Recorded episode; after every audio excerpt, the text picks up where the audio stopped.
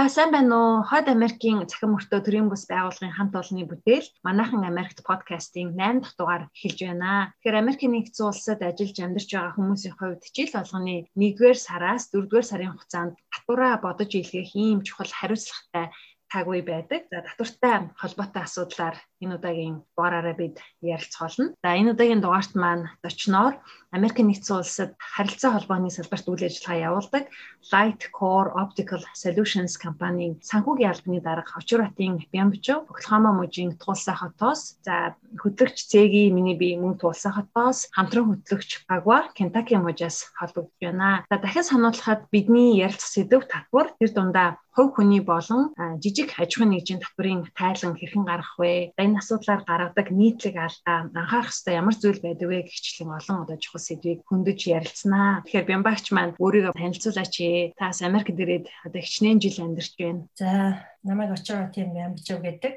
Би одоо Америкийн нэгдсэн улсад амьдраад 17 жил болж байна. Миний бакалавр зэрэг бол математикч буюу computer software engineer. Тэгээд Монголд хотын эрүүл мэндийн газар болон Монгол банкнд программист нэгтлэн бодогч, орлог нэгтлэн бодогч, аудитор гэдэг ажлуудыг хийж байгаад Америкийн нэгдсэн улсад нөхрийгөө дагаад гэр бүлээрээ ирсэн. Тэгээд Америкт амьдарч байх хугацаанд Missouri-гийн Springfield хотод байдаг Missouri State University буюу одоо Missouri-гийн их сургууль нэгтлэн бодох бүртгэлээр мастрынхаа цолыг хамгаалсан. Тэгээд тэрнийхээ дараа яг нэгтлэн бодох бүртгэлээр ажиллаж байгаа. Тэгтээ мастер хамгаалахтай хажуугаар нь санхүүгийн шинжээч гэдэг цолыг бас давхар авсан. Тэгээд энэнийхээ дагуу Springfield хотод Missouri хэмжээ. Хуулийн компанид нэгтлэн бодогч санхүүгийн шинжээч гэдэг ажлыг 8 жил хийж байгаа. Дараа нь энэ одоогийнхаа ажлын саналыг хүлээж аваад 2019 оноос хойш ингээд Lightcore Optical Solutions гэдэг одоо шилэн кабель татдаг компанид санхүүгийн албаны захирлаар ажиллаж байна. Энэ ажлынхаа хажуугаар бас өөрийн сонирхлын дагуу хуваараа дур боддог байж байгаа. Сүүлийн 3 жил Америк нэгдсэн улс даяар тархсан HNR Block гэдэг татвар боддог компанид дур бодох ажлыг ажлынхаа хажуугаар бас хийж байгаа. Энэ жил дөрөв дэх жилдээ ажиглав. Америкт байгаа монголчуудын бидний хамгийн түрүүнд хийх ёстой ажил бол одоо татвар үүдэг. Данс тооцоогоо нэг дугуулах ёстой нэг үүргэл юм байна гэдээ ойлгоод байгаа. Ерөнхийдөө энэ тэр талаар жилийн эцсийн татвар э, хувь хүний болон аж ахуйн нэгжийн татвар ямар зарчмаар Америк нэгдсэн улсаа өгдөг юм бэ? Энэ татвар үүдэг системийг ерөнхийд нь альбилж өгөх үү? За тэгэхээр манай монголчууд ингэж ярьдаг ч та нэг хоёр үнэн байдаг. Төрхөн үнэн, өгөхн үнэн. Америкуудын хувьд хувьд бол бол нэг хошин яриа байдаг. Төрхөн үнэн, татвар төлөх үнэн, өгөх үнэн. Гурван үнэн байдаг. Энэ татвар төлнө гэдгийг бүр үндсэн хууль болон бусад том хуулиараа бүр хуульчлагдсан. Одоо бол нэг ч хүн яагаад бид нар заавал татвар төлөх ёстой юм бэ гэдгийг сонирхооч байсан. Хийх ёстой гэдэг бүр ухамсарт нь шингэсэн. Та нар Google дээр ингээд хайж болно. А яагаад би татвар төлөх ёстой вэ? Гэхдээ ийм ийм хуулийн дагуу гэж ерөөсөө хайлтны хариулт гарч ирэхгүй баг. А та тэдэн доллароос их орлого олсон бол татвар татвараа төлнө гэдэг үг нь л гарч ирж. Тэгэхээр ерөөсө татвар төлөх ёстой гэдгийг бол хүн болгон боддог болсон. Аа тэгээд хувь хүн бүр татвараа бодсноор миний хувьд бол ойлгож байгаагаар бизнес бизнесүүдийн татвар төлөлт үнэн зөв эсхийг шалгахад гол түлхүүр нь болж байгаа. Америкийн нэгдсэн улсын засгийн гал. Яагаад вэ гэвэл бизнесүүд гаргасан зардал хүмүүс төлсөн мөнгөө хүн болгон W2 юм уу 1099 гэдэг тийм орлогын формуудыг явуулж байна. А тэр формны 1% нь IRS буюу одоо татварын ерөнхий ерөнхий газар гэсэн үг шүү дээ Америкийн тэнд очичдаг. Тэгэхээр нөгөө IRS чинь за эднийх ийм ийм зардал гаргасан. Үнэн байна уу үгүй юу гэдгийг нөгөө орлогыг авсан хүмүүсийн татвар эрэхтэр харьцуулаад үздэг. Тэгэхээр манай зарим нэг компаниуд ингэдэг шүү дээ. Оо дэндүү их орлоготой болчлоо. Одоо энийг яг юм тэнд өгсөн гэд гаргах чи, энд өгсөн гэд гаргах чи. Худлаа үнэн баахан ресит баримтууд цуглуулчих гэдэгдэг. Тэгэхэд тэр нотлогдохгүй. Яагаад гэвэл яг энэ хүнд өгсөн үнэн гэдэг чинь тэр нөгөө W2 юм уу 1099-оор нөгөө хүн татвараа бодсон тохиолдолд батлагдана. Бас энэнээс болоод одоо миний бодож байгаагаар юу гэж бодож байгаа нөхөр нөгөө Тэгэл хахуу мөнгийг нуун дарагдуулах тиймэрхүү юмнаас нэлээд их зайлс хийж юм гэд тэгэхэд тос болж юм гэж би бодод. А түүнээсээш Монгол шиг бизнесүүд тураа бодоод хувь хүмүүс ямар байх нь хамаагүй байвал одоо хүмүүс хууль бус аргаар зөндөө их мөнгө олно, орлого олно тий. Тэрийг ямар нэгэн тайлагнах шаардлага байхгүй болчихж байгаа байхгүй. Тэгэхээр би энэ хувь хүн болгон татвараа бодог бол маш зөв асуудал гэж. Тэгэхээр ийм биш тий ямар нэгэн байдлаар худлаагаар одоо баримт бүрдүүлээд өөр ингээд мэдүүлгээ өгсөн ч гэсэн нөгөө компани яг л л адилхан төрлийн мэдүүлгийг өгж байгаа. Тэн дээр давцаж зэрэгцэж гарахгүй бол бидний нөгөө худлахуумгай Zevulma гэдэг компаниас 1200 доллар авсан. Үнэн гэдгээ татвартаа оруулаагүй бол оруулаагүй хүн алдаа гаргаж юу? Эсвэл Zevulma энэ хүнд 1200 өгсөн гэж худлаа репорт явуулж юу гэдгийг л IRS-д орно бол би өөрөө бас энэ жижигхэн бизнес эрхлэлийг бас өөрөө өөрийнх нь натураа боддог. 2 сараас ахвал 4 сарын 15 хүртэл ч юм уу бүгд пижигнэл такса бодоод том том компаниуч бодоод энийг нь одоо энэ IRS-д яа шалгад юм бол сони юм аа гэсэн. Ерөөсөө энэ чинь ингээл хүн хүнд нь өөрсөнд нь нэг нэг нэрээ хянаад хариулсаа өгчөж байгаа юм шүү дээ. Саагаар хөнгөвчлөөд тэгж ойлгож болох юм байна тийм байна. Тийм байхгүй юу? Тэгээд програмчлалсан. Тэр програмд нь автоматар тоонууд орно. Бүгдийн calculation тооцооллыг хийгээд гаргахад хоорондоо барихгүй юм уу алдаа дата гарвал тэрийг баталгаажууллаа гэж хариунд орхно ирчдэг. Аа тэгэл бүр одоо жишээлбэл 2017 оноо оны татвараа буруу боджээ. 2017 онд та орлогоо дутуу оруулжээ гэдэг захиа IRS-с сая 2020 оны 12 сард ирж байгаа байхгүй. Тэгэхээр тэд нар тийм их хоцорч шалгаж идэг. Шалгая гэснэ. Тэр алдаатануудыг. Тэгэхээр хизээ нэгэн цагт буруу хийсэн бол баригдах болчиход байгаа байхгүй. Хичнээн тухайн үед accepted гэж хүрээд ирдэг байхгүй. Таныхыг хүлээж авлаа гэд. Тэгсэн ч гэсэн алдаа гарсан бол тэрийг 3-аас 5 жилийн дотор заавал ол. Би бол бас нэг сайн мэддэггүй энэ шийдвэр яг үнэ хэлэхэд нэг сонирхож байгаагүй. Гэхдээ өнөөдөр бол нэлээд сайн мэдэж авъя гэж бүр зориу төлөвлөгөөтэй сууж байна. Тэгээд ямар хүмүүс нь цан олголттой мөнгө аваад ямар хүмүүс нь буцааж төлөө тэ мөнгө өөртөө гараад идэг юм бэ юм үндсэн ойлгохтоос хэвлээ яриагаа эхлээд явъя. За тэгээ. Тэр бол олон хүчин зүйлс байгаа. Оо эсвэл өгөх үү гэдэг. Хамгийн нэгдүгээр орлого. Орлого тутмаасаа тогтмол татвараа цалингаасаа юм уу сар болгоо юм уу өөрөө сайн дураараа юм уу? Төлж исэн болвол. Тэгээд оны эцэс татварын чинь орлого болон зарлагын зөрүүгээр тэжнээн долларын татвар та төлөх ёстой байна гэж гараад байна. Тэгэхэд та сар тутам төлж исэн юм уу? Эсвэл цалин дээрээсээ суудгуулж исэн юм уу? Эсвэл сайн дураараа төлж исэн татвар чинь нөгөө оны эцэс гарсан мөнгөн дүнээс их байвал зөрүүг авчих. Дутуу байвал тэрнийга төлж байгаа.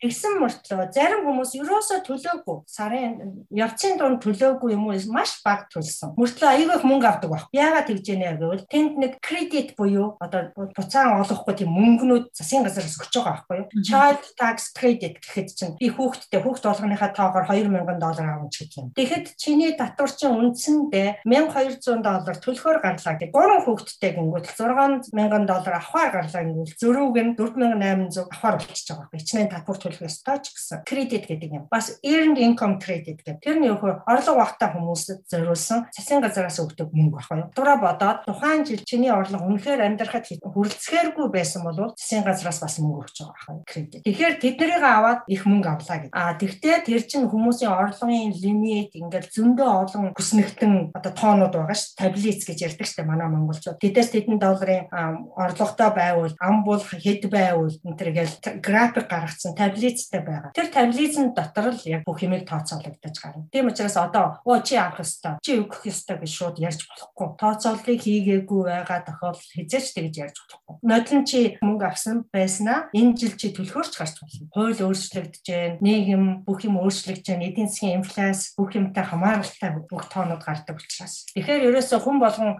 сар тутам эсвэл цалин дээрээсээ ахиу 10 долларч гэсэн илүү өгчээвэл жилийн эцэст мөнгө ба төлөх мөнгө чинь л багасна гэсэн. Одоо тэнд ийм ийм формулууд байна. Хамгийн эхлээд W2-ыг эхлээд ярих нь зөв гэж бодож байна. W2 гэдэг чинь юу гэсэн үг вэ гэхээр орлогын форм чи одоо өөрт чи ажиллаж байгаа хүмүүстээ өгдөг форм. А тэрийг ямар хүмүүст өгөх вэ гэвэл хэн нэгэн хүн чамд W4 буюу цалин дээрээсээ татвараа суудгуулнаа гэдэг форм бүгэлж өгсөн бол чи тэр хүнд W2 өгнө. Тэр чи юу гэвэл чиний ажилтан гэсэн цалин авдаг ажил. А харин W9-ийг хэн бүгэлж өгөх вэ гэвэл би цалин болгон дээрээс татвар өгөхгүй. Би зүгээр л гэрээт ажилтан шиг танаад баяа гэсэн хүн W9 гэдэг формыг чамд бүгэлж өгөөд чи тэр хүнд 1099 гэдэг формыг жилийн эцэст өгдөг байхгүй. Тэр W9-ийг өгсөн хүн сар тутам юу ч татвар суудах бол ямар ч нийгмийн даатгал ямар ч эрүүл мэндийн даатгалын шимтгэл ямар ч орлогын албан татвар суутгах бүх авах ёстой мөнгө тэр чигээр бүтнээр нав. Харин өөрөө жилийн эц айгүй их нэлээд татвар төлнө эсвэл сар тутам өөрөө сайн дураараа төлнө. А харин W4 гэдэг форм чимэнд нэг хүн би танад ажилд орё би W4 гэдэг форм аваад ирвэл чи тэр хүний цалин бодно. Дээрээс нь орлогын албан татварын суутгах нь, нийгмийн даатгалын шимтгэлийн суутгах нь, эрүүл мэндийн даатгалын шимтгэлийн суутгах нь, дээрээс нь нэмэх нь мужийн орлогын татварыг суудах нь. Тэгээд тэр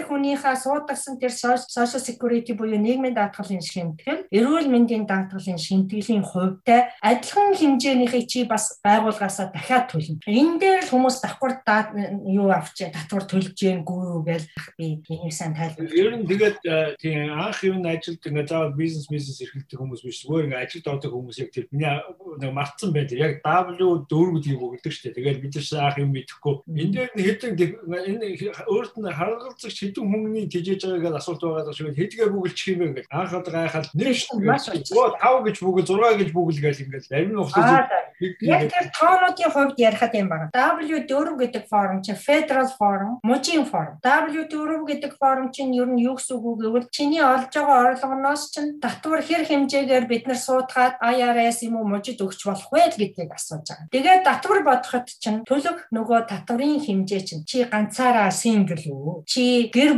бүлтэй хоёулаа хамтдаа татвараа цуг буюу married file and joint гэдгээр татвараа бодуулах уу гэдэг юм тэр бүх тийм хүчин зүйлүүдээр шалтгаалаад тэр формо чи. За жишээлбэл би гэр бүлтэй хоёр бид хоёр хоёулаа хамтдаа цалин нөө татвараа цугтаа боддог. Гэхдээ миний цалингийн хэмжээ манай нөхөр тракны жолооч цалин бодохгүй 10-99-оор бодуулдаг. Тэгэхээр жилийн эцэст айгүй их татвар төлөхөөр гарах байхгүй юу? Тийм учраас би яах вэ гэхээр би single буюу ганцаараа татвар боддог single гэдгийг дуугуулдаг. Яагаад гэвэл би ганц бие хүнд миний цалин их байгаа учраас их татварыг цалингаасаа суудгал. А оны эцэст болох дээр хоёулаа хамтдаа гэд нөгөө мөнгө чи хоёр хүнд чүүтэй айтаа хүрэлцгээр мөнгө байгаад би их татвар төлөх шаардлагагүй байсан бол зөрүүг авчихна. Их мөнгө төлөх байсан бол ихэнхийн цалингаасаа суудгуулсан байна гэсэн ийм сайн талтай. А тэгэхэд зарим хүмүүс би татвар төлөх э, дургүй. Эсвэл бүр зарим Америкууд би татвараа боддоггүй. Би татвар төлмөөргүй байна. Цалингаасаа суудгуулмааргүй байна гэдэг хүмүүс аягүй их байдаг. Одоо энэ манай энэ компани чинь нөгөө мончорууд монголоор мончорууд гэдэг чинь тий ажилдаг хар ажил хийдэг хүмүүс. Хийж байгаа л хаяал явцдаг. Хийж байгаа л хаяа явцдаг зарим хүмүүс. Тэр хүмүүс чинь татвар боддгоо юм байлээ. Форум ирсэн ч тоохгүй, хаяг нь өчнөө солигдсон. А тэр хүмүүс яадгүй гэхээр оо ам бол би dependence буюу надаас хамааралтай хүнээ 5 гэж өглөнө, 10 гэж өглөнө гэлдэгчдэг байхгүй.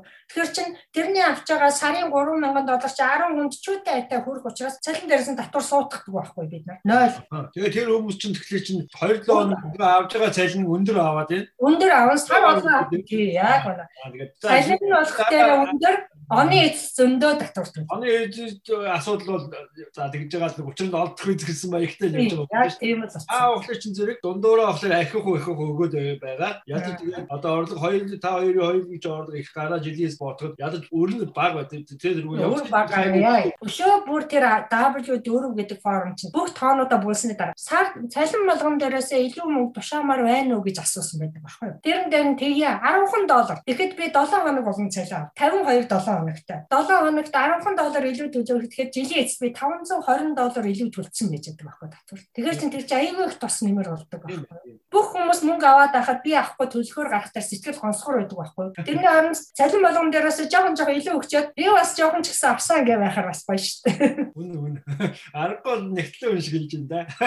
Тэгээд ерөнхийдөө энэ нэмэрхүү сэтгэхүй би өөрийнхөө хувьд юу гэж бодож байхад нэгтэнгийн сэтгэхүй гэдгээс илүү миний математик сэтгэхгүй их тос болоод баг шиг байгаа хэрэг болдог байх тий илүү гүйлгээр хантай. Тий ямар нэг юм тоон дээр ажиллаад байгаа байхгүй.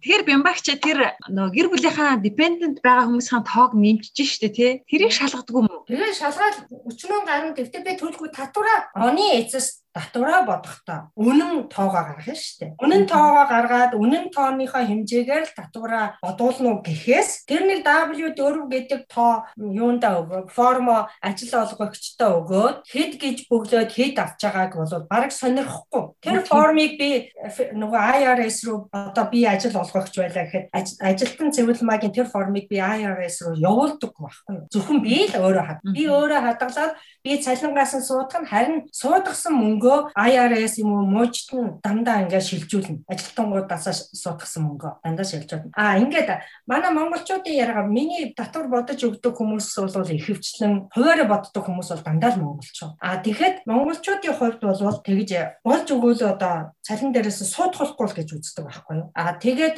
W4 форм бөглөөд өгсөн үү гэхээр оо 1099-оор авчвал амар. 1099-оор аваадах гэж байна. Манайхан тэг гэж байна гэдэг. Аа тэгс бизнестэй хүн ч гэсэн. За одоо Pagua ямар нэгэн барилгын ч юм уу бизнестэй. Чи хүн аван готлаа. За W9 форм аваад ир гэж хэлдэг байхгүй юу. Яагаад чи W4 гэдэг форм авчир гэж хэлэхгүй байна вэ? Нэгдүгээр ажил олгогч хүмүүс цалин бодож татврын суудгаж тэр нөгөө суудгасан мөнгөө шилжүүлж явуулахын тулд мужта федерал онлайн аккаунт тэгээд дансны дугаар бүх юм авсан байх хэвээр. Нөгөө мөнгөө шилжүүлнэ, уйлрал болгон сар болгон тайлаг тайлан явуулна. За ингээд нягтлан зайлшгүй хэрэгтэй болно. Дээрээс нь зөндөө олон такс татварын тайлан явуулдаг болно. Ажиллагаа гэсэн. Нэмэх нь нийгмийн даатгалын шимтгэл, эрүүл мэндийн даатгалын шимтгэл тэрний яг ажилтан төлж байгаа хувьдаа тэнцүү хувийг ажил олгогч бас төлнө. Жишээ хэлье. Пагвад би ажилд орлоо. Наа надад сард 1000 доллар л өгнө гэсэн. За тэгээд нөгөө Павгагийн зард 1000 доллараар дуусахгүй. Хэрвээ тэр хүн W9 авчираад 1099 гэдэг форм жилийн эцэст авах байсан бол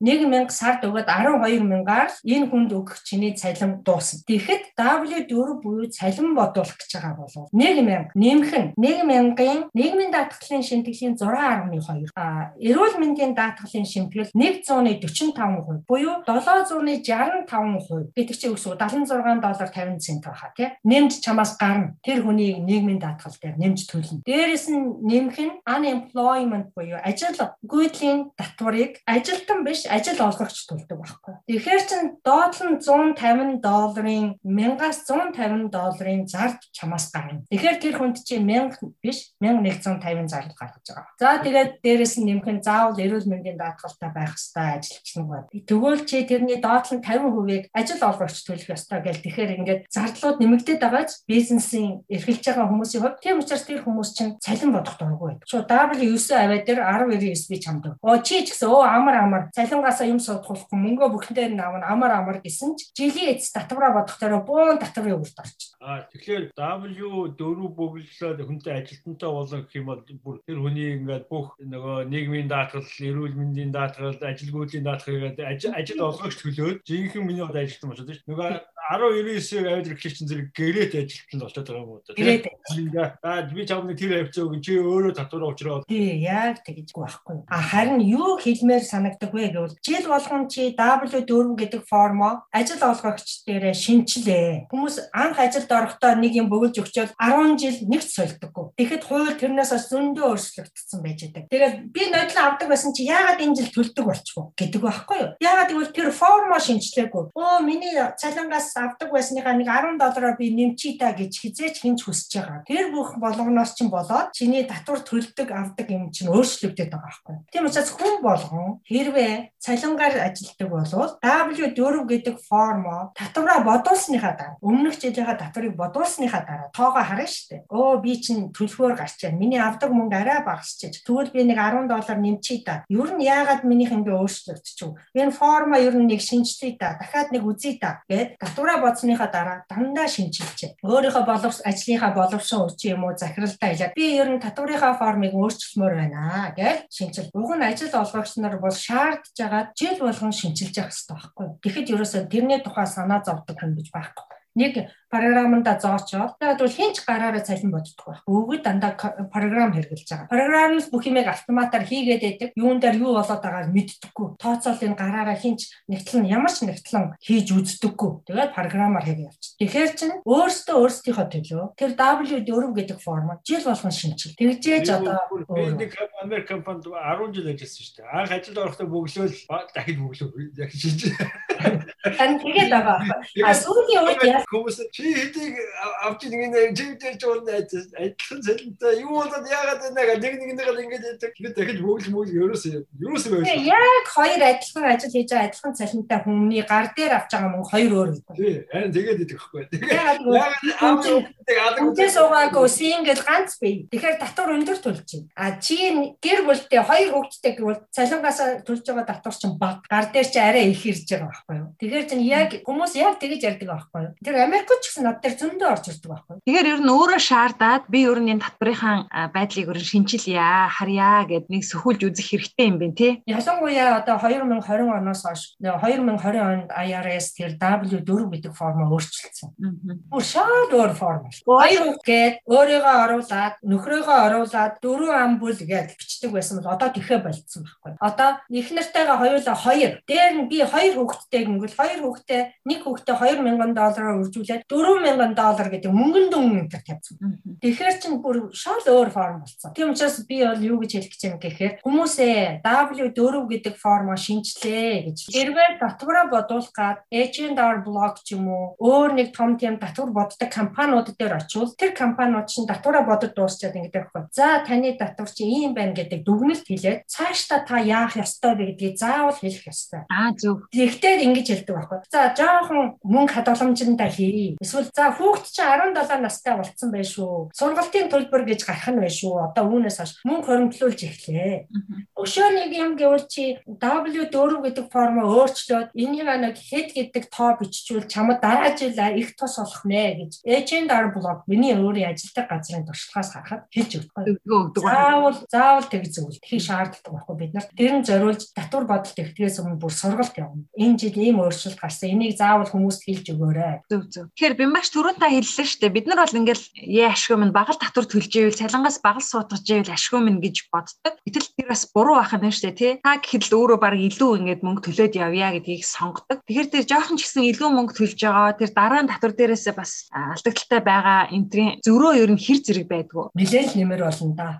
Тий 3000 доллар төлөхөөр гарч байгаа бол зөвхөн 7 хоног болгон 10 доллар илүү төлснөөс чи тэндээс чинь 520 доллар хасагдсан ш. 2480 төлөхөөр болгоно гэсэн үг байхгүй.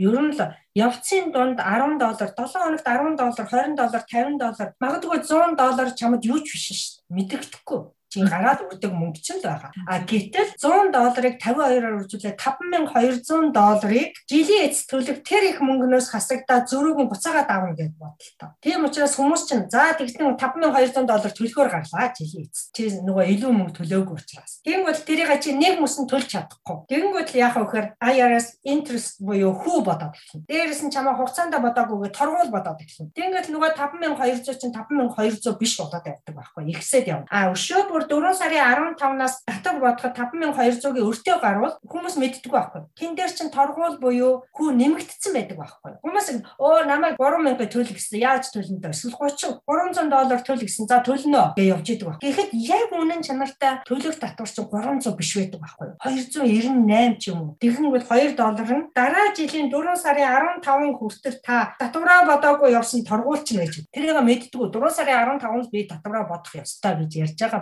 боловч 12 сарын 31 1 сар гэхэд та тэр их хэмжээний татварыг төлсөн байх хэрэгтэй байхгүй. Тэгэхэд төлөөгүй бодож ээж л төлдөг баг. А цалин болгон дээрээсээ суудуулаад явж исэн болвол тэр чин тухайн ондоо буюу 2020 ондоо төлсөн татвар учраас ямар ч торгуул ямар ч хүү бодогдохгүй. Мэмбагч та хэллээ шүү дээ. Нөгөө H&R блог гэж одоо Америкийн татвар боддог баг хамгийн том компаниудын нэг хаас айгуул юм харагдаад. Ер нь татвараа бодуулж байгаа хөв хүнч вэ, жижиг аж ахуйн нэгжч вэ, хаана бодуулахаас нэг ялгаа өдр байх уу? Ер нь байна. А Америкт бол насан турсан хүн болгон татвар бодох ёстой татвараа тайлагнах ёстой орлогоо дээр нь хүн болгон хүний татвар бодох эрхтэй бодох tax preparer. Яагаад гэж хүн болгон өөрийнхөө татварыг бодож болно тэгсэн мөртөө би хүүхдийнхээ татварыг бодож болохгүй. Тэр чинь өөр хүн байна би хүүхдийнхээ татварыг бодохын тулд яах ёстой вэ гэхээр IRS бүртгүүлээд PTIN буюу tax preparer. Бэлтгэдэг хүний хувийн дугаар гэдэг юм байх хэвээр. Tax Preparer ID number. За тэгэхээр тийм дугаар авсан болвол заавал энэ тэнд очихгүй хүүхдийнхаа өөр хүмүүсийн татварыг бодож болно да. Бодсон татвар болгондоо PTIN номероо заавал бичнэ. За тэгэхээр хүмүүс ингэдэг байхгүй юу? Оо нэг 5 доллар, 10 доллар, магадгүй 200 долларын зөрүү тэрийг бодож өгсөн хүнд өгөхгүй гэж одоо жишээлбэл оо тэднийх амар их сууддаг. Татвараа бодуулсан чинь надаас 380 доллар авсан. Тэгэхээр та бодоод өгөөч. Над руу зөндөө тийм юм үцдэг. Та эдээр бодох юм. Тэр хүн чинь мөнгнөөс болоод над руу ярьж байгаа юм чи би тэр 380-аас бага хэлэх ёстой болж байгаа байхгүй юу? Хэрвээ би бодмоор байгаа. Тэгэхэд үнэн чанартай тэр хүнийг аяйгүй төвөгтэй, хувийн бизнестэй, дээрээс нь аяйгүй олон хүүхэдтэй, олон кредит буюу засгийн газараас их мөнгө авдаг. Тийм татварууд чинь ерөөсөө асуудал ихтэй шүү дээ. Аа тэгээд миний хувьд зөвлөхөд бол би бинээсээ нэг юм сонсчоод юм уу? Эсвэл яг 100 200 долларын зөрүүн дээрээс болоо хин нэг чадахгүй мэдхгүй хүнээр татвараа бодоололгүй заавал мэрэгсэн хүн дээр очиж чинь. Ирээдүйд хэрэгтэй. Нэг хоёрдугаар өчигдөрхөн одоо би Springfield, Missouri гэдэг хотод байсан. Тэнд байсан Америк найз маань 5 хүүхэдтэй. Авгаа нөхөр хоёр хоёулаа Америк. Дээр нь 5 хүүхэдтэй. Өөрсдөө л татвараа боддог байсан баг. Би ерөөсөө тэд нарын татвар матурын тухай тийм асуудалд нь харьцаж үзээгүй. Гэтэл өчигдөр надад уцаар яриад ингэж байгаа. Хөөе бэмба би хоёр хүүхдийнхээ татварыг бодлоо. Нэг нь 2020 онд 19 настай, нөгөөх нь 2020 онд 20 настай хоёроо. Тэгээд урд жилүүдэд миний dependent буюу надаас хамааралтай гэд би өөрийнхөө татвар дээр оруулаад боддог байсан чинь манай хоёр хүүхдийн орлого энэ жил их болцсон учраас тус тусдаа татвар бодохоор боллоо. Тэгээд би ингээ бодцоод явуулчлаа. Тэгсэн чинь нэг юм сэтгэл нэг л нэг сонирн байна. Зөв ч юм уу, буруу ч юм уу гэж бодогдоод. Ер нь бид нар өөрсдөө л өөрсдөө татварыг боддог. Гэтэ хоёр хүүхдтэй жоохон сонирн байна. Чи нэг хараад өгөөч гэдгсэн байхгүй юу? Тэгээд би өчигдөр харсан чи яа харахгүй бүх номер, номер, тоо мон бүгд зөв. Тэгэн гутал нь асуусан. Таны хоёр хүүхд чинь за нөгөө stimulus check авсан юм уу гэсэн чинь аваагүй. Нодлоо яагаад бол миний нэр дээр татвараа бодсон. Дээр нь эднэр 17-оос дээш насных байсан учраас 500 доллар манай хоёр хүүхдэд өгөөгүй. 600 доллар хоёуланд нь бас өгөөгүй. Тэгэн гутал нь би бодож байгаа. Чи ер нь юу ашиглаж татвараа бодсон бэ? Хин дээр утсан бэ? Өөрөө бодохдоо гараараа бодсон уу? Яаж бодсон аа гэсэн чинь TurboTax online гэдэг юм хэрэгэлсэн. Тэгээд тэр TurboTax online гэдгийг чи хэрэгжилж явах явцад та stimulus checks авсан уу гэж асуугаагүй юу гэсэн чинь юу ч тийм юм гарч ирээгүй гэж. Тэгэнгүүт нь яасан гэхээр за ер нь энэ програмууд өөрөөр хийгээд байгаа юм болов яагаад байгаа юм бол гэж бодоод би шууд TurboTax CD ашиглаж тэр хүүхдүүдийнхээ оруулаа хийгээд үзчихээ бол шууд асууж байгаа байхгүй юу? Та stimulus check авсан уу? Нэгдүгээрх нь 1200 авсан уу? Хоёрдугаарх нь 600 авсан уу гэж асууж байгаа байхгүй юу? 1800. Тэгэхэд яагаад тэр TurboTax онлайн аваагүй? TurboTax онлайн ч үнэгүй шүү дээ. А магадгүй жоохон мөнгө нэмээд агсан шатныхыг авбал гарч ирэх байсан юм болоо мэдэхгүй. Тэгэнгүүт л нөгөө хүн маань үгүй чи чинь нэг хүүхэдтэй 1800 хоёр хүүхэдтэй 3600 доллар алдчихад байна. Одоо наадхан amended tax return буюу залруулгын татвар бодолт хийлгэхгүй бол болохгүй нэ. Гэсэн чинь шууд за одоо тэгвэл би жинхэнэ мэрэгсэн газар очиод асуунаа гэж явж байгаа. Тэгснэ оройн чиний зүг байжээ 3600 доллар алдах байсныгаа олж авахар боллоо гэж байгаа байхгүй. Тийм учраас хичнээн амархан байсан ч гэсэн өөрсдөө бодох гэж бас нэг их хичээгээд хэрэггүй. Тэр хүн одоо 360 доллар төлж хүүхдүүдийнхээ татварыг бодуулах зэн оронд 3600 доллар л алдаж байгаа байхгүй. Тэгэхээр ганцхан W2 формтой. Өөр ямар ч форм үгүй. Ганц бий. Хүүхэдгүй хүн болвол TurboTax online free буюу үнэгүй татвар боддог тэрийг хэрэглэхэд бол асуудал байхгүй. Тэгэхдээ энэ stimulus check энэ гэдэг юм гарч ирээд байгаа учраас ерөөсөө маш л болгоомжтой мэрэгсэн хүмүүсээр л бодулж байгаа ч л гэж би гомбараа. Хин нэгнээсээ сонссон үгээр ингээд манайхан манай ялангуяа манай монголчууд энэ монгол хэл дээр болж байгаа монголчуудад зориулж хийж байгаа нэвтрүүлэг учраас бүр дахин дахин хэлмээр байна. Тэр хүн надад тэгэж хэлсэн. Та тэгэхэд ингэж хэллээ. Гурав дахь этгээд бас тэгэж хэллээ гэд толгоогоо эргүүлээд яваад авахгүй мэрэгсэн газарт нь л очив.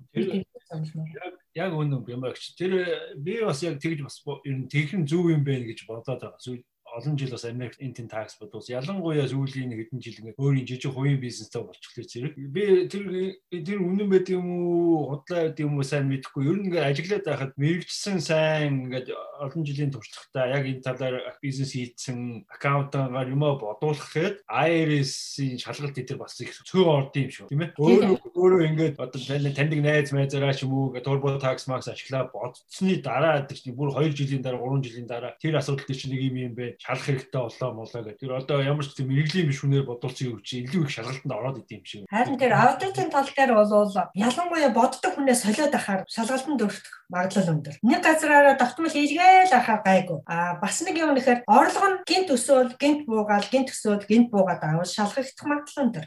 Олон кредит аваад олон хүүхэдтэй эсвэл орлого багтаа кредит, earned income кредит энэ төр аваад явал бас шалгуулах магадлал өндөр. Энэ жил татвар төлснөө дараагийн жил айгүй их мөнгө аваад тэрний дараагийн жил төлхөөр гараад тэгвэл бас магадлал өндөр болоод явна. Ер нь сүүлийн 5 жилийн тоонуудыг л харьцуулаад харьцуулж үзээд аудит хийхгүй ингээл бас сонголтонд орчдөг байхгүй юу. Тийм учраас нэг хүнээрээ тогтмол хийлдэх бас их чухал байдаг. Жишээлбэл чи одоо бизнестэй нэг машин хэрэглэдэг байлаа гэхэд тэрний электр хорогдлыг 2019 онд өөрөө татвараа бодоо бодцсон. 2020 онд нэг газар атсан чинь өмнөх жилийн чинь нөгөө электр хордлын тооцлохгүйгээр дахиад бодчихдог. Ингээд аюу их асуудал гардаг. Нэг хүн тогтмол бодвол ялангуяа тэр кредит одоо оюутнуудын авдаг education credit гэдэг байгаа байхгүй юу? Сургууль мөнгө төлсөн бол тэрнээсээ хувь авдаг. Тэгэхээр тэр кредит интерт чинь бол та одоо 3 жил, 5 жил дараалж авдаг кредитүүд ялангуяа өмнөх жилүүдэд та уу гэж асуухаар мэддэг байх. Өөр хүнээр бодволцсон. Тэр хүн хэвлэж өгөхдөө нөгөө бодсон байхгүй ч юм. Тийм байдаг учраас ер нь нэг хүнээрээ тогтмол ингээд олон жил бодволох нь зөв байдаг. А хоёрдугаарт бол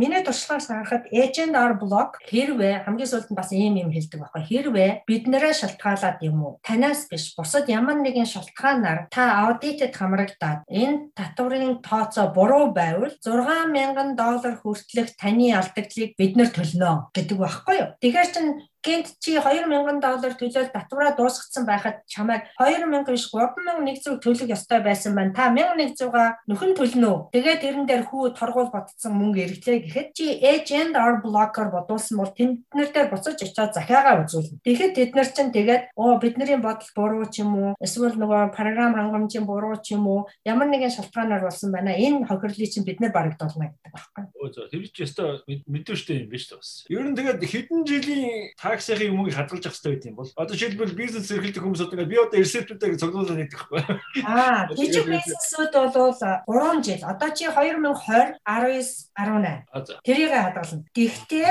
тэр чинь бас хэрвээ чи ямар нэгэн хүн хөндлөнгийн хүн чиний ID татврын дугаарыг чи ашиглаад ямар нэгэн юм фрод энтер гэдэг те заллин тийм юм болсон болвол тэр жилийнхийг бол forever хадгална. Одоо үргэлж хязгааргүй. Тэгэхээр яг өгөхөр заавал оригинал анхны хувь байх ёстой, их хувь байх ёстой гэхэ болцсон шүү дээ. Бүгдийг одоо би бол сканер гэж хэлдэг. Сканерда тэгээд хард диск гэдэг шүү дээ, тий. Тэр хард дискэн дээр тусгаад нь хадгал. Гэхдээ ганц дискэн дээр битгий хад.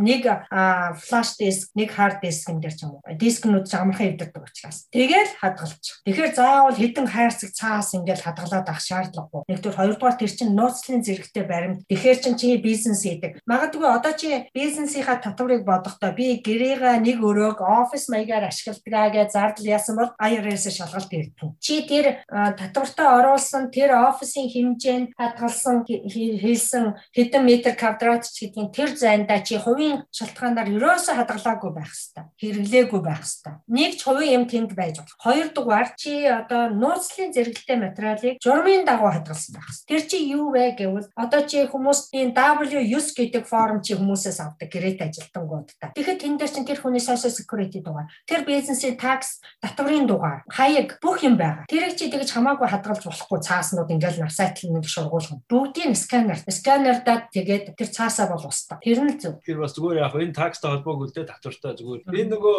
бичгээр мэрм тэгээд ингээ явахын гол чинь 10 жил Америкт байсан юугаа гэрчилгээд гэсэн чинь би би яаж гэрчлэх юм бэ? Би энд байсан манай найз намаа 10 жил төлсөн такс аваад тэгээд би нь бас тэгээд гэхдээ яг яагаад такс аваад ирээ гэж хэлж байгаа үед заавал чи хадгалсан байх шаардлага. Тийм л дээ. Яагаад гэвэл irs.gov гэдэг рүү ороо өөр хүн болгон өөрийнхөө аккаунтыг нээдэг байхгүй? Тэнд чинь чиний татвар бодож эхэлснээс хойш бүх татварууд чинь байгаа. Энэ stimulus check авсангүй бүх юм чинь тэнд байгаа. Тэндээсээ чи transcript гэдэг юм хэвлээд авчиж болно. Тэгэхээр одоо юу гэж хэлэх гэж байна гэхээр хүн болгон irs.gov руу ороод my account гэдэг юмаа create буюу нөгөө дансаа нээгээд тэгээд тэр рүү орж үзчихье. Ягаад гэвэл хэн нэгэн чиний нэр дээр татвар бодоод тийм мөнгө авсан байвал яах юм. Тийм учраас тэрийг сайн шалгажээ.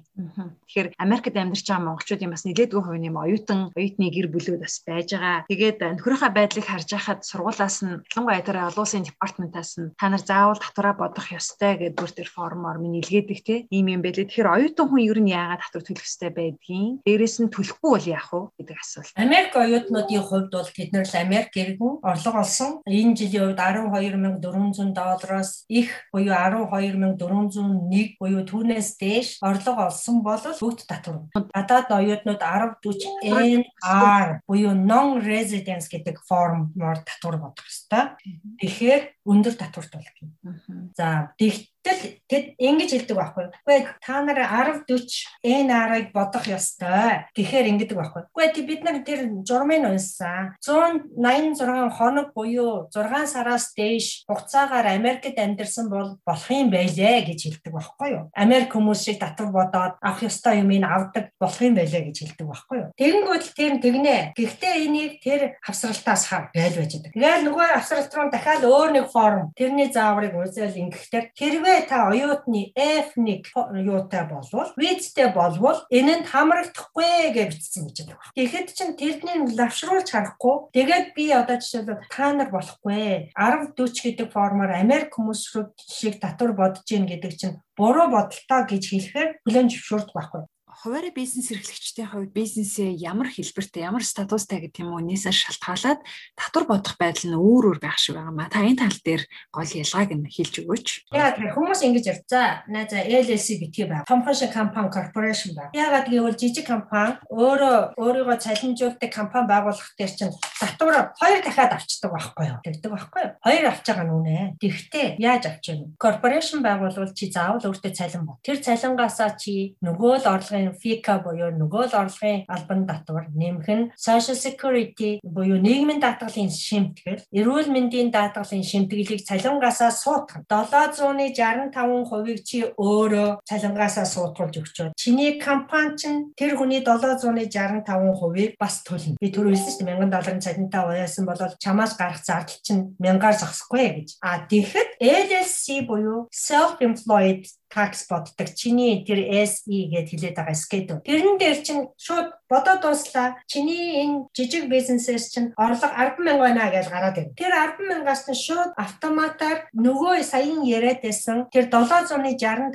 дээр нэмэх нь 765. Чи хувьяасаа төлөх ёстой. Чиний бизнес ажил олгогч төлөх ёстой. 2% чинь нээлээд одоо 765 765 гэдэг чинь 15.3% юм уу та. 15.3%-ийн татварыг авдаг байхгүй юу? Тэр чинь орлогын албан татвар биш байхгүй юу? Чиний нөгөө нийгмийн даатгал, нөгөө эрүүл мэндийн даатгалын шимтгэлч нь байхгүй юу? Нэмэх нь за нөгөө 10 мянга буцаагаад өөрийнхөө татвар дээрээ орлого гэдээ аваад ирдэг байхгүй юу? Хувь хүнийхээ татвар дээр. Түрүүн чи бизнесээс 10 мянга орлоготой гарцсан шүү дээ. Одоо хувь хүний татвараа бодоход чиний бизнесийн 10 мянган долларын орлого чинь чиний хувь хүний орлого чинь болоод явах байхгүй юу? Ойлгож байна уу? Яг л чи өөрөө хувь хүн амьдрахын тулд чамд ямар ч мөнгө байхгүй байгаа ч дээ. Чи ажил ерөөсөө авч байгаагүй явцын дунд. Тэгэхээр бизнес бизнесийн ашиг чинь чиний орлого байхгүй юу? Аа одоо 10 мянгаас чи хоёр хүүхэдтэй эхнэртэйгээ гээд нөгөө татварчин бодогдоод дахиад татвар төлөхөөр гарна. Тэгээ энэ хоёрын нээлбэрийг чи оны эцэст өгдөг байхгүй. Тэгэхэд чи би цалин өгдөггүй юм чинь би ажиллах ирэхгүй.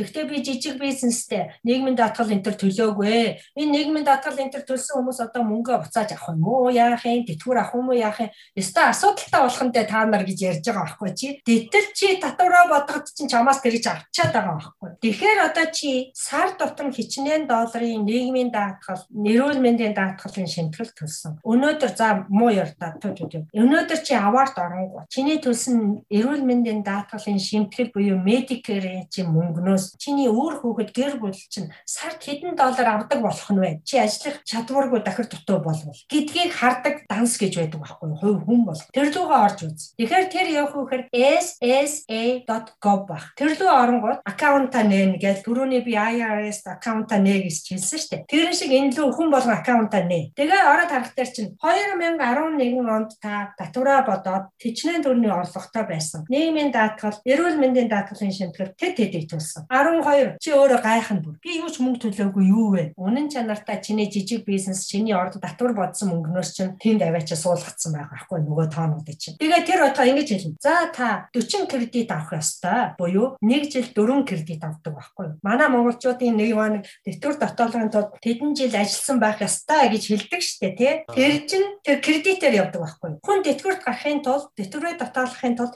хамгийн багадаа 40 кредиттэй байх хэрэгтэй. Нэг жилд 4 улирал байдаг буюу 4 кредит. Тэгээд ингэн та 40 кредитээ гүйцээхэд бол танд 40 кредит буюу тэдэн жил дутуу байна. За ганц жилээр хугацаагаар тэтгэвэр тогтоологдохгүй. Мөнгөн дүн, мөнгөн сан байх хэрэгтэй. Манай монголчууд одоо ингэж байгаа шүү дээ. 7 жил одоо өндөр дүнгээр тушаачвал сар болгон авах мөнгө маань өндөр болох юм байна ч гэдэг юм уу. Нэг тийм хуулиа яриад байгаа шүү дээ. Тэрнтэй яг адилхан. Та одоо таны мөнгөн дүн чи хөрөх болоогүй. Ягаад гэвэл та жижиг оюутан байгаад 20 цаг ажиллаад цалин дээрээсээ жохоо мөнгө тушааж ирсэн. Тэгээ тэр бүх аккаунта бас олж хар. Аа тэгээ жижиг бизнес буюу хуваараа бизнес эрхлэгчдийн татвар хоёр дахин авч яана гэдэг ойлголт бол буруу шүү. Тэр чин чиний орлогын албан татвар нэмэх нь нийгмийн даатгалын шимтгэл, эрүүл мэндийн даатгалын шимтгэл буюу цалин аваад W2 авж байгаа хүмүүсийн FICA гэд өгч байгаа тэр мөнгүүд л явд.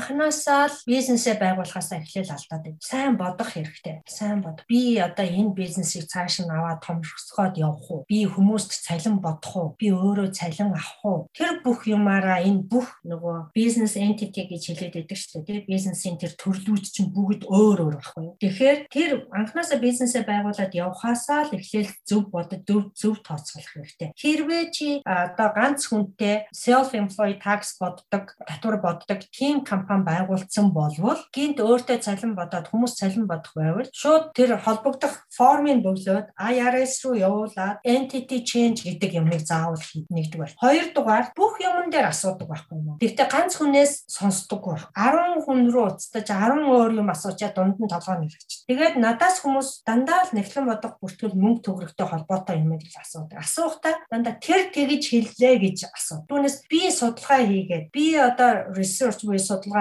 хайлт хийгээд тэгж уншлаа. Google тэглээ гэж хэлнэ үү гэхээс хуулиндаа, журмандаа тэр одоо IRS-ийн вебсайтн дээр тэгж хэлж байна. Social Security Administration Office-ийн вебсайтн дээр тэгж хэлж байна. Би альнийн дагуу зүгээр вэ гэж асуудаг байх. Бүх юмн дээр тэгж. Татвараа бодохдоо одоо жишээ. Би нэг хүүхэдтэй мөртлөө яагаад мөнгө авахгүй байгаа юм. Тэр нэг хүүхэдтэй мөртлөө мөнгө авсан байж гээл тэгдэг. Яг үнэн чанартай нөгөө W4 form 1099 form ормны л асуудал байгаа байхгүй. Тэг яагаад тэгв гэдгийг ухаж юм уу мэрэгжлийн хүнээс асуухгүйгээр л дунд нь ингээл толгойн эргээл яваа. Тийм учраас заавал мэрэгсэн хүн дээр очижээ гэж хэлнэ. Хавар мөнгө авсан шүү дээ стимулус чек. Тэр энэ жилийн татварт орох уу? Ер нь энэ орлого Одоо энэ жилийн татварын хувьд бол ер нь татвар бол он дуусаад 1 сарын 1 гэхэд хүмүүс татвараа бодоод өгөөд эхэлдэг байхгүй юу. Гэтэл янз бүрийн энэ пандемик болон за байжгаад 2 3 жилийн өмнө бас болсон government shutdown гэл тиймэрхүү асуудлуудаас болоод IRS-ийн татвар хүлээж авах хугацаа өөрчлөгдөд байдаг болчиход байгаа. А энэ жилийн хугацаа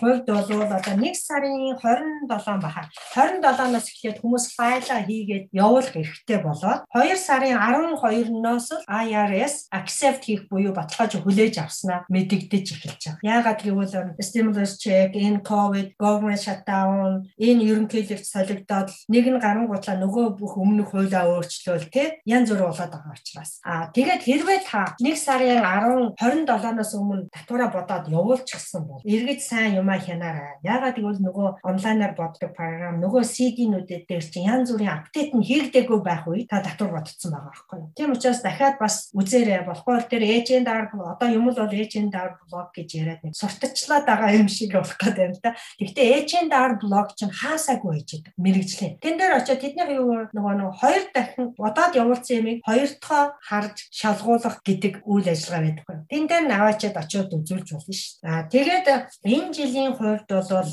stimulus check авсан уугүй юу гэж асуугаад авсан гэж явж байгаа. Тэгвэл non taxable буюу tax бодогдох орлого биш. Та авсан байж болно. Та 5 хүүхэдтэй 5 хүүхэдтэй одоо 500 нэмэх нь 600-аар бодохдоо 1100 5500 доллар. Эхнэр нөхөр хоёр өөрсдөө хэдийг авах вэ? 1200 дээр 600, 1800, 3600, 5200 гэхэр чи гэсэн 8800 долларын орлого илүү ороод ирсэн байж байгаа. Тэр ямар ч такс татвар бодох орлого биш. Тэр нь санаа зовхон баг. А харин энэ ковид буюу пандемиктэй холбогдоогоор unemployment буюу ажилгүйдлийн тэтгэлэг авсан болвол бүх төрлийн ажилгүйдлийн тэтгэлэг taxable буюу tax бодож төлөх орлого. Жижиг бизнестэй хүмүүс нөгөө PPP гэж авсан байгаа шүү. Бизнесийн хувьд тэр чинь хэрвээ PPP авчихад аа тэгээд тэр нь forgiveness болцсон. PPP дөнгөж авчихад forgiveness болоогүй бол тэр чинь чиний зээл, эргэн төлөгдөх зээл гэдгээрээ бүртгэгдээд тэр чинь ямар ч орлого биш, ямар зардал зарлага гарахгүй, таксанд ямар ч холбоогүй байхгүй. Харин forgiveness гэж авсан хийчихвэл тэр чинь чиний орлого, орлого дээрээ бүртгэл. Одоо нөгөө өчнгөө болгосон гэсэн утгатай тийм. Өршөөл үзүүлсэн гэх юм.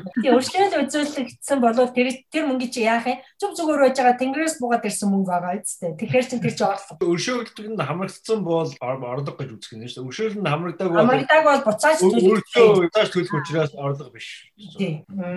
Тийм тэгээд ажилгүйдэл буюу unemployment дээр 1099 зураастай G government гэдэгт ордог G үсэгтэй форм хүн болгон хамнаа. За тэрэн дээр би юу гэж хэлэх гэж байна гэхээр хүмүүс анхан юмыг бөглөөд явуулахдаа мэдхгүй зүгээр ажилгүй болчлоо гэдгээрээ л бөглөө явуулчихдаг. Хүн болгон тэрийг шинжилдэг юм уу? Одоо эргэж харах цаг болжээ. Тэн дээр та энэ орлогоноос татвараа суутгуулах уу гэж асуулт байна. Аа за. Тэгэхэд чинь одоо 600 доллар, нэмэх нь 308 доллар, 908 доллар 7 хоног болгоо энэ төр авч байгаа шүү дээ. Хэсэг хугацаанд хүмүүс. Тэр чинь их мөнгө авахгүй 908 доллар, бараг 1000 доллар, сард 4000 доллар ямар ч татвар төлөхгүйгээр авчлаа. 5 сарын турш авчлаа. 20 мянган доллар ямар ч татвар төлөхгүйгээр авлаа. Татвараа бодоход аягүй их мөнгө төлөхөөр гарна. Тэгэхээр хүн болгон болж өгвөл татвараа төлөв төлнө гэдгийг чагтлаа. Тэгвэл 10% татварыг IRS та нарт мөнгө чи хийхээс өмнө авчиж байгаа аахгүй юу? Тэгэхгүй бол та нар оны эц зөндөө их татвар төлөхөөр гаргана. Нөгөө их ажилгүйдлийн мөнгөөл нэг сайхан мөнгө аваад өрөөд исэн чинь тэр чинь эргээд татвар төлөгдөх мөнгө шүү. Тийм учраас бас тэрэн дээр бас анхаараарай. Ажилгүйдлийн орлого бол татвар төлөгдөх мөнгө шүү. Яг нэг 2 билүү хэд хоногийн өмнө нэг захиа ирсэн байсан IRS-с харин тэдэн төгрөг авсан шүү. Пагва чи танай ихтэй та хоёр. Тэгээ энэ дээр энэ бол government-ээс өгж байгаа мөнгө учраас tax бодохгүй. Аа яг үнэ. Татвараа бодвол хин нэгэн дээр очихдоо тэр 1 4 4 4 гэдэг дугаартай форм буюу нотоос захиа ирнэ. Аа би энэ за энийг авч очиж ямар ч авч очиж тэр хүн л мэдж байгаа. Яг үнэ 14 44 тэгээд дараа өгсөн 600 дээр 14 40 34 зураас B гэсэн хоёр янзын захиа. Тэр хоёр захиаг татвараа бодуулахдаа авч очих тэр чамайг өө авсан юм байна. Тэр тэрнээс ч л хэрвээ аваагүй байвал нөгөө мөнгө чинь өгөх гээд байгаа байхгүй одоо татвар дээр. Тэр бямбагч одоо нөгөө тэр татвараа төлнө гэдэг ямиг мдээгүй байж байгаад ингээд төлөөгүй явцсан ажилтгуудлын тэтгэмж авцсан байгаа хүмүүс эргэж нөхөж төлөх боломж байгаа мó. Нөхөж төлөхгүй одоо тэртээ тэрнгөө 2020 оны татвараа бодохдоо төлнө. Татвар төлөөгүй 48 мянган долларын орлоготой гэж байгаа л бодно. Харин энэ 2021 онд ажилтгуудлын тэтгэлэг авсаар байгаа хүмүүс буцаж тэрийг хараад тэгээд тэрийг жагтлах хэрэгтэй байна шүү гэж байгаа байхгүй. Татвар бодуулнаа гэдэг. Одоо татвараа өөрөө ч боддгийм үү ямар нэг байдлаар алдаа гаргацсан байлаа гэх гэхэд эргэж харах хугацаанд хизээгээр дуусгар болдгоо. Нэгэнд буруу байсан ч гэсэн accepted буюу одоо хүлээн зөвшөөрөөд мөнгөө авсан юм уу мөнгөө төлсөн болвол тэгээд ер нь хизээч болно. Хизээч amended tax return гэдгийг хийж болно. 10 40 6-аас X гэдэг форм хийдэг байхгүй? Залруулах юм. Тэрийг бол хизээч хийж. Харин тэр их их би нэг байна тэгж бас өмнө хэдэн жилийн өмнө хийсэн таксаа тэгж янзлж ирсэн. Яг нэг мэрэгжлийн хүн дээр л очиж юм хумаа янзлуулахад байна. Тэгээд надад их айтаа санагдсан байхгүй. Би нөгөө заа бурхан минь тэдэн тэдэн онд хийсэн юм чинь буруутч одоо аларсан юм бол одоо нөгөө татварын буруу бол залливч ууж хуурах юм байна да. Яана инэ гэж одоо аваагаа сандраагаад бөө юм болсон чинь тэр аккаунт нь тэгжэл зүгээр зүгээр бид нар өөрсдөө хандж байгаа учраас тэр хүмүүс чинь ойлгоо. Энд дээр алдаа гарчжээ. Гоо үед би өөрөө бодсон учраас мэдэхгүй учраас. Тэр байхгүй чи илүү төлцсөн бол тэрий чинь буцааж өгөөд өшөө зарим хүү энэ төр өгнө штэ. IRS. Өөрийн эдний нийгэм бас их мундаг байна л та тийм. Харин чи дотоод төлцсөныгаа нөхөж гэж байгаа бол харин өнөөдрийг хүртэх хугацаанд чинь хүү бодоод чамаас төлөв.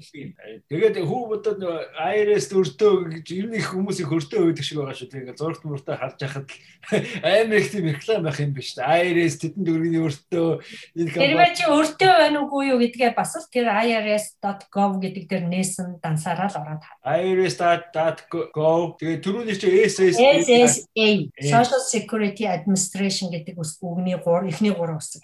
Тэгээ цэг gov буюу government гэдэг.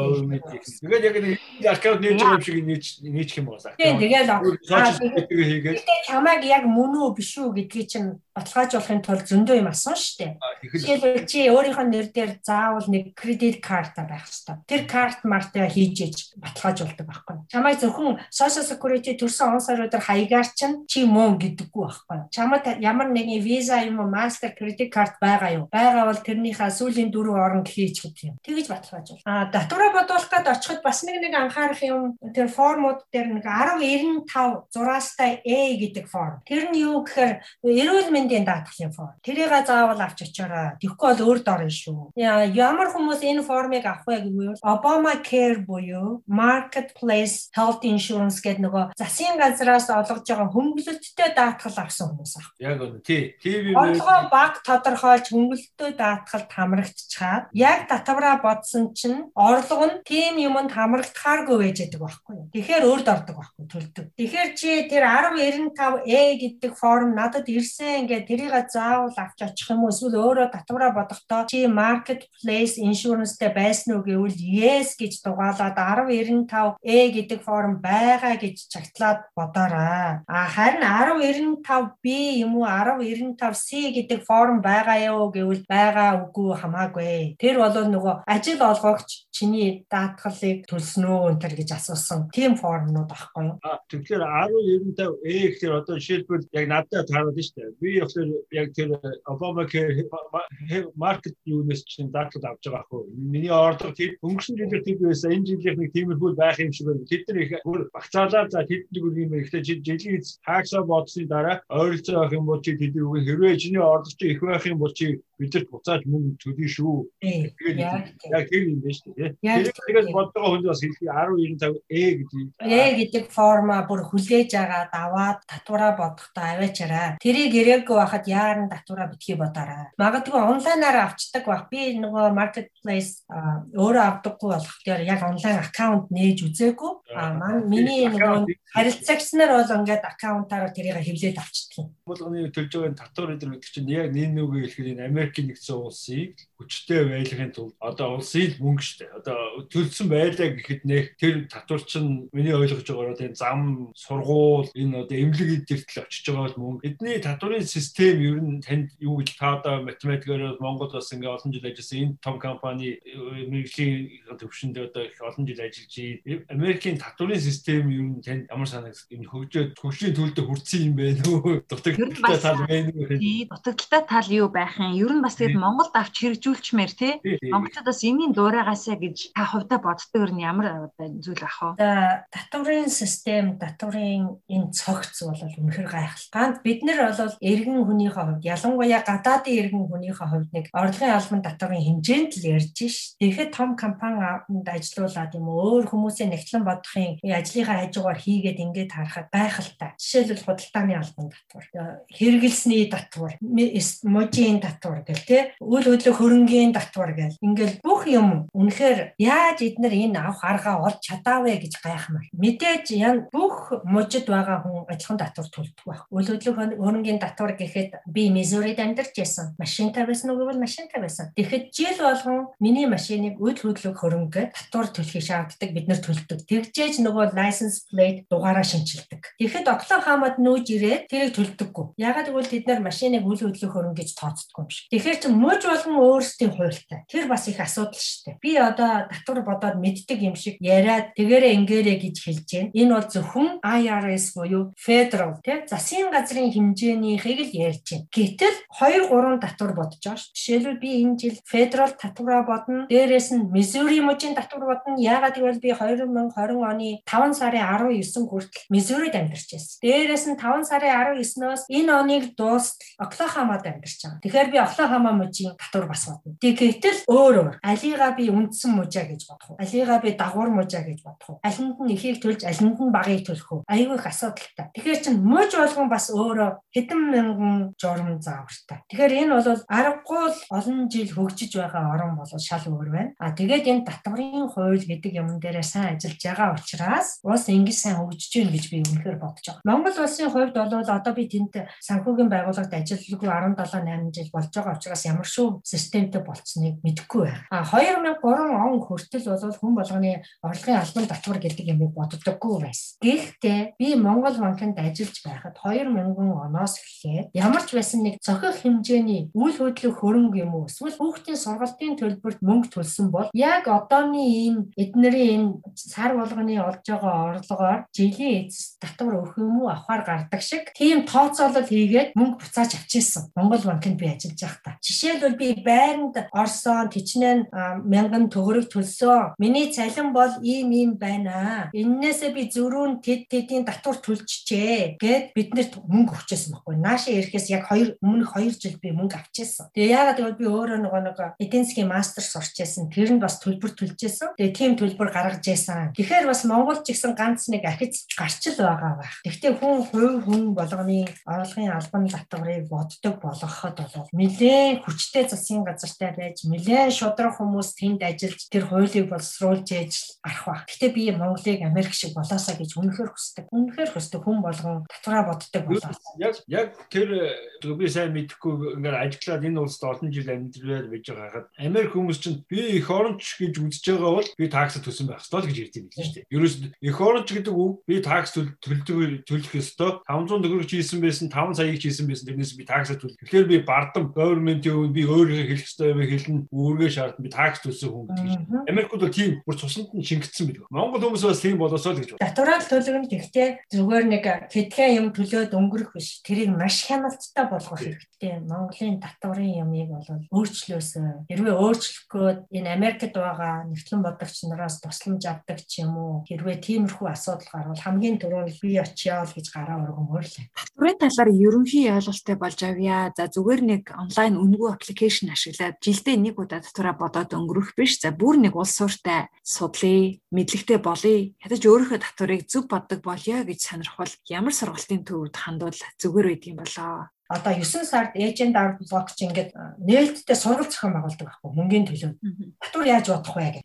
Аа 2 сар байдаг санагдчихэв. Аа тэгээд тэрэнд нь суучгаад шалгалтын давчгаад өөрөө ажиллах хэрэгтэй байгаад бусад шалгууруудын давчих юм бол тэнд ажиллах хэрэгтэй болчдөг байна. 7 хоног болон 2 сарын хугацаанд 7 хоногийн 3 хоног 3 өдөр орой 4 цаг 5 цагаар суух юм. Тиймэрхүү байдаг. Одоо яг хэдин кредит энтер гэж хэлдэг нь би мартчихж одоо 4 жилийн өмнө ярьжсэн. Тэр сургалтанд бүгдийн зам. Дөнгөж хай скул төгссөн хүүхдүүд хүртэл сууж байдаг байхгүй. Анхны мэдгэдэггүй хүүхдүүд. Тэн дээр чинь бүгдийн заагаад өгдөг байхгүй. Татвар яаж бодох юм тэгээ програмуудтай яаж ажиллахыг заагаад өгчдөг а мэдээж хэрэг ажил дээр жинхэнэ гараад суухаар нөгөө бодож исэн дадлах хийж исэн нар чинь шал өөр хүмүүс ирнэ штэ тэгээ мэдхгүй юм зөндөө гарна. Тэнгууд тэнд чинь 12 жилээс 20 жил хүртэл зөвхөн татваруудаа сууж исэн хүмүүс ингээ зэрэгцээ сууж байгаа юм чи тэрнээс чинь байн гасуу. Тэгээл өдөр болго юм сууж байгаа. Хэрвээ өөрөө бодох татваргүй эхний жил бол хамаагүй татвар надад бодохгүй штэ. Хамгийн амархныг. Аа тэгээд өөр юм илүү юм хиймээр санагдан гутлаа чөлөө цаг гарангуут нөгөө туршлагатай татвар бодогчтой болон тэрний харилцагч нараас зөвшөөрөл аваад тэнд нь ажиглаа суудаг байхгүй хойно ингээ. Тэгэхэд чинь тэд нар яаж хүнтэйгээ харьцаж ямар асуулт асууж гэн гэж бүгдийг сурчдаг. Тэгэхээр хүн болгон татвар бодогч болж болно. Хэрвээ та ажиллах хэрэгтэй л бол татвар бодохгүй ч гэсэн тэр хичээл суугаад өөрийнхөө татварыг зөв боддог болж болно. Тийм шүү дээ. Ядаж өөрийнхөө татварыг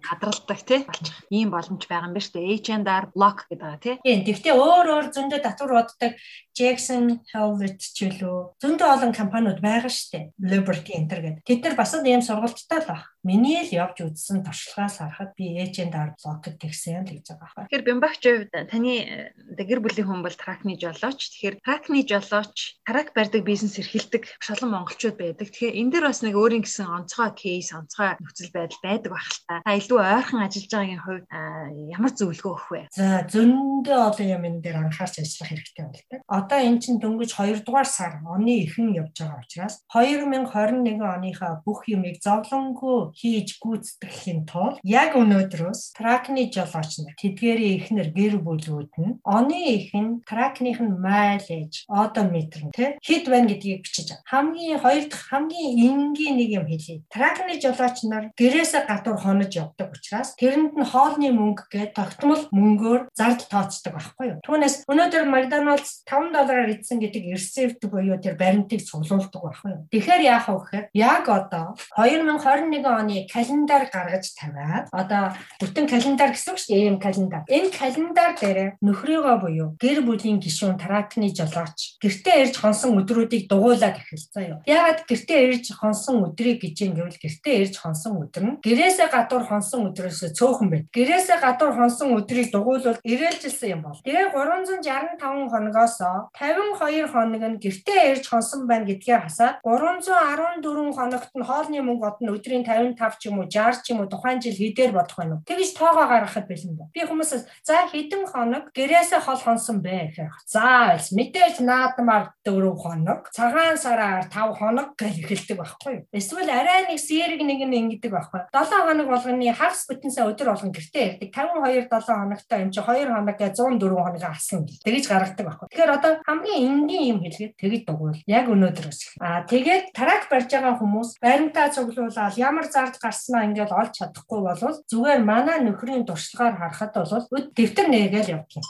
Өнөөдрийнхээ жишээлбэл гаргачаад өнөөдрийнхээ гуцыг нээгээл тэрнээс тэр хүртэлх ачаад тэдэн доллараар авсан. Бензин тэдэн галлоныг тэдээс тэр хотоос авсан. Аа тосоо солиулсан тэнд энийга бизнесийнхаа картаар төлсөн эсвэл хувийнхаа картаар төлсөн гэд ингээ бүртгээд явдаг байхгүй. Тэгээд ингээ бүртгээд яваад яасан энэ дэвтэрнүүд чинь над митийн бүх тооцоо зард орлого зарлахыг нэгтгэж байгаа хүнд хамаагүй амар. Тэгэхгүй манай тарахны жолооч нар яасан гэхээр явж явж нэг эрэгтэй нэг доктортай нэг баахан юу нь мэддэхгүй юм ачаа хийж. Тэр доктор дотор нөгөө бүх явсан ачааных нь бичиг мичиг зарсан бүх нөгөө ресет мерсет бүгд юм байна. Тэр чинь хөөх юм уу эхнэр гэрте байж байгаа юм уу өөр ажил хийж байгаа яаж учрыг нь олох юм хэцүү ш. Тийм учраас Таракны жолооч нар дэвтэр гаргаад өдөр тутмынхаа юмыг бичиж хөтөл гэртээ байгаа хүмүүс нь нөгөө таракныхаа жолоочийг гэртээ ирж хонсон өдрийн дугуйл хамгийн ихний удаа бол ийм л юм хийгээд эхэлж яддаг болно да. Таг тухайд нь тэмдэглэх хэрэгтэй юм аа хийж ивэл дараа нь ямар болд юм бэ шүү дээ тий. Гэрийн даалгавраар хийж явах хэрэгтэй юм байна шүү дээ тийм ээ. Гэрийн даалгавраасаа хий. Ер нь ч тэгээд эрэгтэй хүмүүс нэг тиймэрхүү юм дээр жоохон хойрог байд. Уул нь тэрийг ингээ хийгээ яваа сурчвал адаглаад ядаж хэдэн төгрөг яг билүү орж байгаа бас мэдээд явах шүү дээ. Харин тий бүр мөнгөө нэг бүрчлэн хөтлөж хөснөгтөнд оруулж тоогийн нэмж хасаж тэжнээ доллар гэргүүмаа гэхэд өнөөдөр юу хийснэ л өдөр өдрөөр нь зүгээр л биччих. Дараа нь тэрийг хуудасаа эргүүлээд олчин. Тэр нөгөө олон доктортай 100 хуудас юм дотроос эн чинь би яалаа гэж бодох шаардлагагүй болчихж байгаа. Тэгэхээр энийг л хийсэн байхад тэгээд нэг өдөр суугаад бүх зардлаа нэмээд гаргачих шин. Ямбаа ачаас яг юм ижил зовлонтой ч хөө тэ ижил асуудалтай. Одоо тракны жолооч нарын ихнэрт зориулсан ийм Facebook захин групп нээж ажилладаг тий. Тэр группээс хэлжүүл бас тракны жолооч нарын эхнэрөө гэдэг. Өндөр ээжүүд гэдэг юм байна. Тэгтээ нөгөө нэг яг тэрлүүгээ хандаж хийх юм маань баг байгаа. Тэр хоорондоо санал хүсэлтэд солилцоод асуух юм гарвал мэддэг нь хариулъя л гэж нээсэн. Түүнээс би одоо админ буюу хөтлөгч нь болоод тийм шүү энэ шүү гэж юм шипи бичээд авах юм биш байхгүй юу? Тийм завч байхгүй гэж. Тийм завч байхгүй. Заримдаа бүр ямар юу нэг групп нээснэ мартсан байдаг шүү дээ. Гэтэ яг мэдээд авчихаг юм мундаг хүн тэр группийн арталт бас байгаа. Хэрвээ яг шаардлага асуулт асуулт гарвал хариулаад өгч чинь тий. Кракны кракны жолооч нарын аа тий кракны жолооч нарын эхнэр өө тэгээд латин латин үсгэрөө эсвэл монгол үсгэрөө. Кирилл үсгэр ахаа монгол одоо би бүр өөрөө мартсан сууж. Зүгээр ингээ фэйсбુક энэ юм дээрээс би айгүй хайж байгаа байхгүй юу? Америкт байгаа нэгтлэн бодогч нарын групп гэж байдаг юм уу гэхээр биний хайлт хийж байгаа үгнүүд таарахгүй байгаа юм ерөөсөө олж чадах. Тэгэхээр ер нь Америкт байгаа нэгтлэн бодох санхүүгийн мэрэгчлээ хүмүүс тийм групп байдаг бол би өстой нэгдмээр л. Тэгэж би юунаас их юм сурч аммаараа. Одоо яг нь миний хувьд бол авууштай. Энд би мастера нэгтлэн бодох бүртгэлээрээ мастера хийсэн учраас надад ангийн хүүхдүүд гэж нэг юм хүмүүс байдаг байхгүй юу. Тэднээс би байнга асуудаг. Гадаад хүмүүс. Гадаад хүмүүс л да Монгол хүмүүс биш. Гадаад хүмүүс. Тэднээс байнга асуудаг. Энэ Оклахома мужид нүүж ирээд удаагүй байгаа учраас сайн мэдэхгүй байгаа. Тэгээ пандемик гээд гарч орч чадахгүй байгаа учраас сайн мэдгүй байна. Мизуридээ бол Missouri Accountants Association гэдэг нэг Missouri-гийн нэгтлэн боддог бүртгэлийн холбооч юм уу? Тим юм нэг гишүүн байсан. Тэгэхээр чи ялангуяа татварын үед 7 хоногийн 4 өдөр болгон бүгдээрээ уулздаг байхгүй. Дугуй ширэний ярьслага одоо оройн хоол юм өдрийн хоол гэдэг ийм ийм юм боллоо. Эсвэл Missouri Department of Revenue state-ийнхаа мужийнхаа татварын газар гэсэн үг шүү дээ тий. Тэндээс хүн уурж авчираад ямар өөрчлөлт байна яана гэд яриулдаг байсан баг. Тэр аюу их тус болдог байхгүй. Тэрэн шиг одоо ингээд групп үүсгээд бүгдээрээ хоорондоо яриад тэгээд яаж яхал хэрэгтэй санагдаад байгаа. Book club гэж байдаг шиг тий. Тэрэн шиг мэрэгжлийн хүмүүсийн book club байх хэрэгтэй болоод байгаа байхгүй. Тантай ингээд татварын талаар подкаст хийнэ. Өөрөө бас нэг ойр зүрийн мэдлэгтэй болъё гэдэг ингээд монгол хэл дээр юу байна хайгаад үтсэн ерөөсөө Америкт гिचгээр бүр ингээд олдохгүй аюу хэцүү байсан. Тэгэхээр ямар ч байсан бид нар өнөөдөр өнөөдөр яг монгол хэлээрээ энэ татварын асуудлаар ярилцсан нэг нэм дугаарыг бас итгэж авч байгаа миний хувьд бас маш их баяртай байгаа. Тэгээд энэ дугаарт маань оролцсон өөрийнхөө чадаг мэдэг сурсан туршлагаасаа бидэнд харамгүй хуваалцсан ямжуугчтэй баярлалаа.